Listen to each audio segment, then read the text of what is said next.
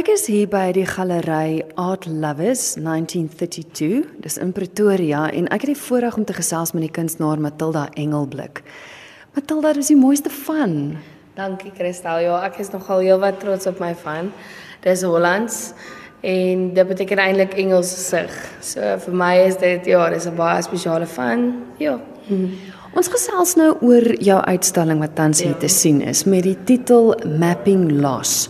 Nou ons gaan nou in detail vir die luisteraars verduidelik waarna ek en jy staan en kyk. Ja. Maar vinnig net in kort, wat was die idee agter die uitstalling? Ehm um, die idee was dit ons begin met ek is mal oor ehm um, narrative en typography, so letterwerking gehad, maar oorspronklik nadat ek my sussie in 2010 13 aan die dood afgestaan het, het ek soos ehm um, sy was in Rusland, so die hele gebeurtenis het in Rusland plaasgevind.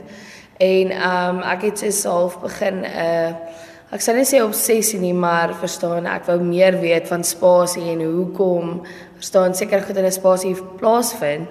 En so het ek begin in 3de jaar op universiteit begin met hierdie ehm um, tema en konsep. En ek het dit deurgetrek ehm um, val deur my kindsloopbaan en so aan. En dit het toe ja, dit is waarmee ek daar gekom het en ek het begin werk met met spasie en met soos ja, die die spesifiek die die mens wat die belangrikheid skep in 'n spasie.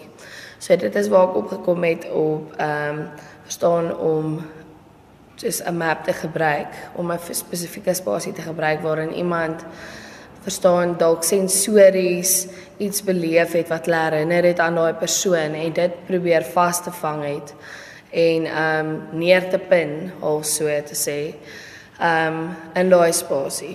Ja, want waarna ons staan en kyk deur al jou werk is spesifieke plekke, nie net in Suid-Afrika nie, maar ook oor see, maar hier's ja. byvoorbeeld uh, ek dink ek het erns Orkney uh, raak gelees ja, of ja. Witbank ja. in Mpumalanga. Ja. Hoe het jy op daai spesifieke plekke besluit? Daai is ehm um, hoe kan ek sê, ek het vraelyste opgestel en ek het na mense toe gegaan, ek het vir hulle gevra of hulle sou belangstel om deel te wees van dit wat ek besig om te doen, mense wat jy weet iemand afgestaan het aan die dood en ek het dan net gegaan en ek het hierdie spesifieke vraag gehad van sensoriteit ehm um, en stimule soos wat hulle hartstoglik eintlik beleef het in daai oomblik wat hulle iemand aan die dood afgestaan het want dit was vir my verstaan iets wat ek ook probeer werk verwerk het. Mm -hmm. en ek weet baie mense het met daai selfde aspek gesukkel of baie mense doen steeds.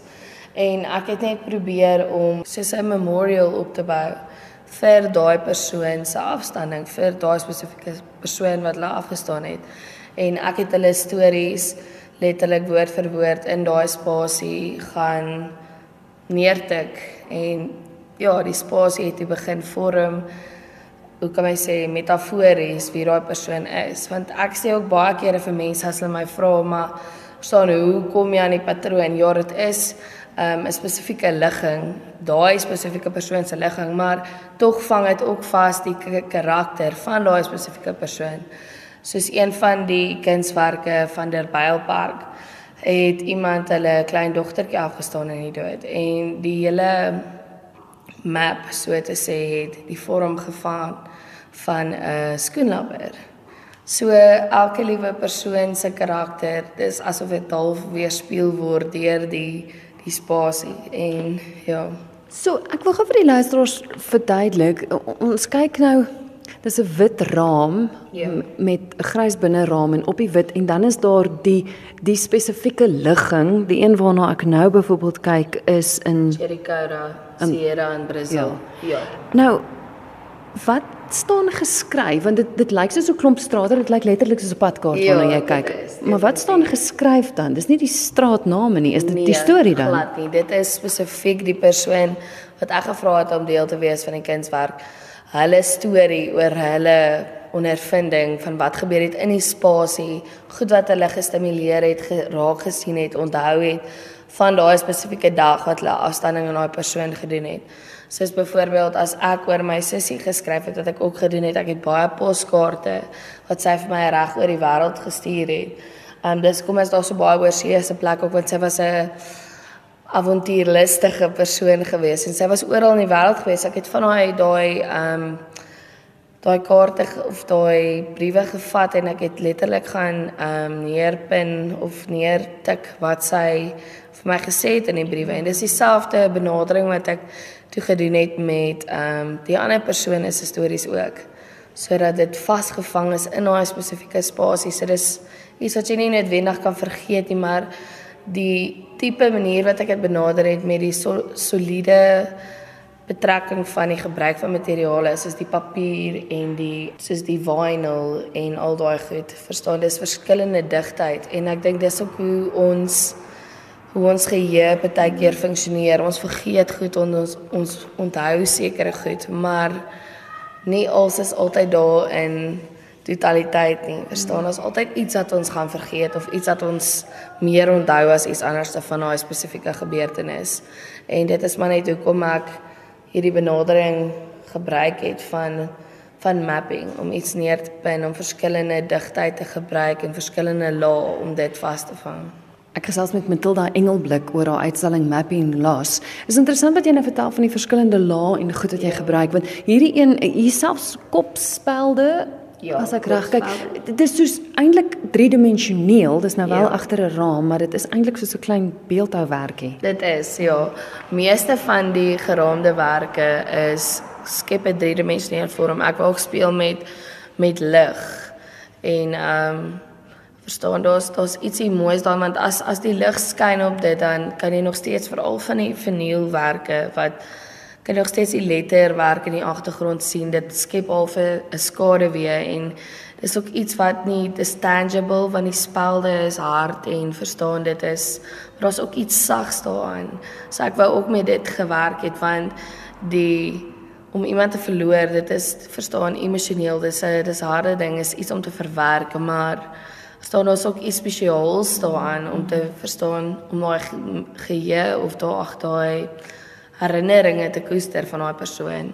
So ek het maar met dit rondgespeel en ook met die letterlike benadering tot mapping. Dit was ook wat my gefassineer het want so te sê in koneksie met my suster en met ander mense verstaan dis dis 'n plek waar jy sou wou gewees het saam met daai persoon en jy kan nie wees nie. So nou volg jy dit maar in 'n ander Ja. Dit is eintlik vir my 'n vorm van terapie ook. Dit is baie terapeuties. Ja.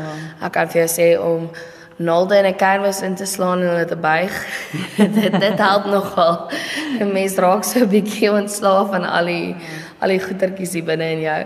Maar nee, dit is terapeuties. Daar's verskillende tipe werk as mens kyk. Ek meen as ek ja. net hier om my kyk, hierso is ehm um, keramiek wat jy ook gebruik het, ja. selfe beginsel. Dan is die woodcut of wat het jy gesê is dit van hout? Ja, dit is dis van hout gemaak en dit is met die hand gesny.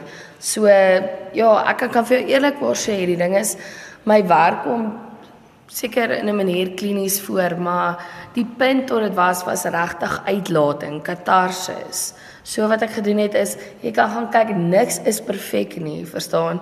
Dieselfde met die houtsneewerke. Ehm um, daar is soos ek het 'n letterlike grinder gevat en in die goed ingesny en dit probeer verwoes. En dieselfde met die met die grondstuk. Verstaan dit was blote rou emosie wat daar aangegaan het. Ek het spykers ingekap en uitgetrek en ag daar was lekker stikkende vingers en trane en allerlei goed gepaard met die hele proses maar verstaan dit was oor die dit was vir my ook 'n proses van katarsis mm, mm. en ek het ook mense gekry wat wat ek ehm um, soos klei bakkies oor gemaak het waarin soos die proses van wanneer jy verrassingsdiens doen. Soos waar hulle dit kon gelat gooi het as hulle iemand verloor het.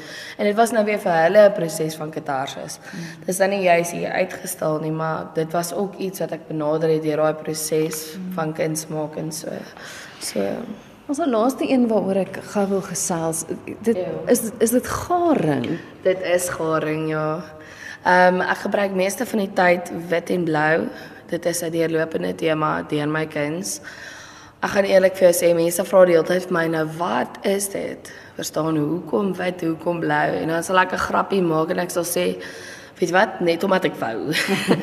Maar ek wil gaan net vir die luisteraars verduidelik. Dit is Ja. dis 'n wit bordjie en dan sit blou garing en dis daar's ook kopspelde en dis letterlik asof die garing tussen die kopspelde ook in 'n tipe van 'n 'n kaart. Ja. Ja, kyk ou die rede ek het baie van of verstaan die garing deel ingebring, maar party van hulle is verstaan dis dis 'n rowwe pad.